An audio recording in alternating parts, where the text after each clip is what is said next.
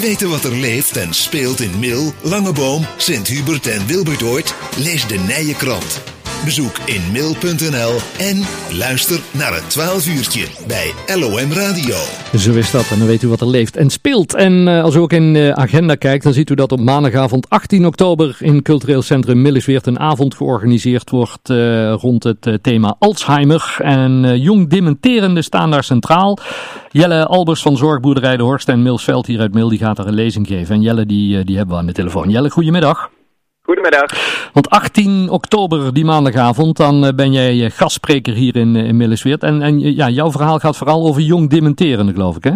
Ja, klopt. Ja, ja. Nee, we gaan ja, met Milsveld richten we ons natuurlijk op mensen ja, die op jonge leeftijd dementie hebben of NH. Mm -hmm. En daar is nog veel onbekendheid over.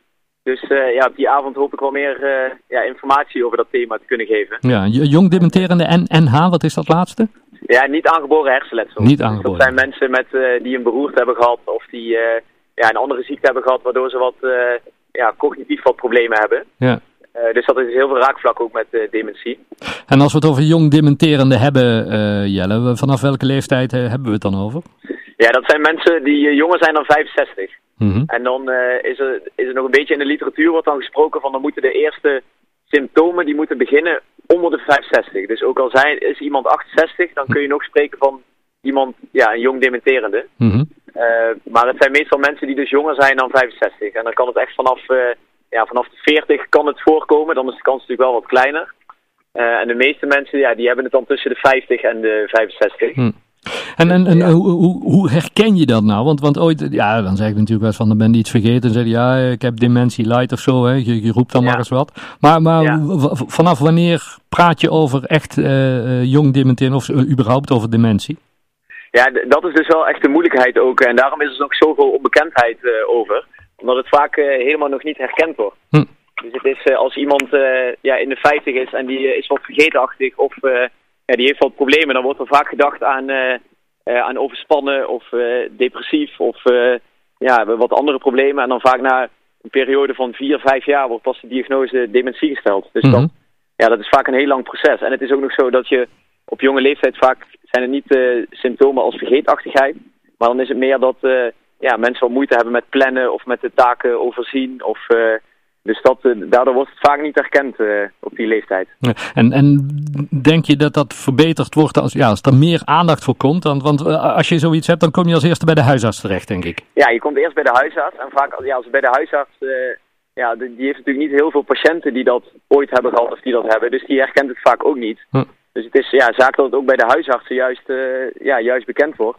En dat zij dan eerder het her- herkennen en dan ook eh, ze naar de, naar de juiste arts weer door kunnen sturen. Mhm. Want het is vaak een hele traumatische ja, periode tot de diagnose gesteld wordt. Want dan wordt heel veel duidelijk en dan wordt heel veel verteld van nou, nu snap ik waarom, ja, waarom mijn man bijvoorbeeld al vijf jaar geleden raar gedrag eh, vertoonde. Ja, en, en als, als het dan eh, is vastgesteld en mensen zeggen, nou, of de, de huisarts zegt van, we- ja, we hebben hier te maken met, met iemand met, met dementie, wat, wat dan?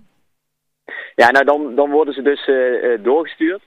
Ehm, en, en dan wordt de diagnose wordt dan eh, echt gesteld in het ziekenhuis. Mhm. En dan kan pas dus alles in gang worden gezet. Dus dan kan pas een goede dagbesteding geregeld worden, een, een case manager, een, eh, dan kan pas de zorg eh, geregeld worden.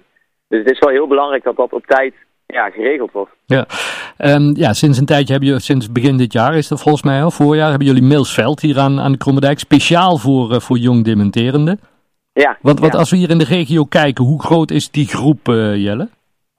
Nou, in, eh, ongeveer in het, in het land van Kuik, dat zijn er wel een paar, ja, volgens de cijfers, een paar honderd mensen die dat eh, moeten hebben of die dat gaan krijgen. Ja. En die groep wordt ook wel groter.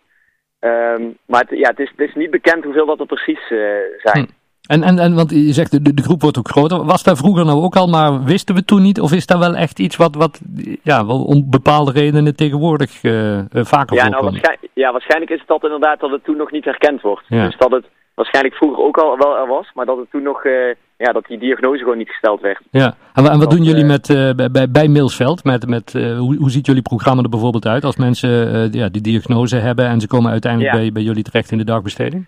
Ja, nou, de mensen die bij ons komen, die zitten echt in de, in de beginfase van de, de ziekte. Dus die zijn nog hartstikke fit en die kunnen nog hartstikke veel, ondanks dat ze de ziekte hebben. Mhm. En eigenlijk kijken we per persoon wat ze willen doen en wat ze leuk vinden. En, en, en dat kunnen buitenwerkzaamheden zijn, dat kan binnen zijn, dat kan timmeren of creatief of met de dieren in de tuinen. Ja, er is eigenlijk alles mogelijk. We hebben geen vast, vast programma, hm.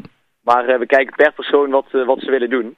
En, en, ja, het is voor die mensen natuurlijk, er val, ja, als je de diagnose hebt, dan valt heel veel weg. Want ze kunnen niet meer werken, ze kunnen niet meer vaak gaat het verenigingsleven gaat ook wat, wat moeizamer.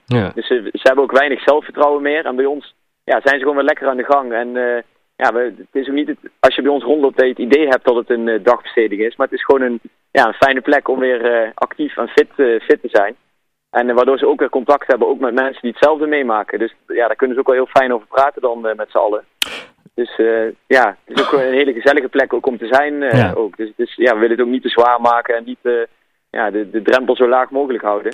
Goeie zaak uh, dat, er, dat er steeds meer bekendheid aan geschonken wordt. Nou, en op maandagavond 18 oktober dan is dus die informatieavond hier in Cultureel Centrum Middelweer. Het begint om half acht. Jij bent er uh, gastspreker die avond om meer te vertellen over, uh, over dit alles. Moeten mensen zich aanmelden of is het gewoon vrij inlopen?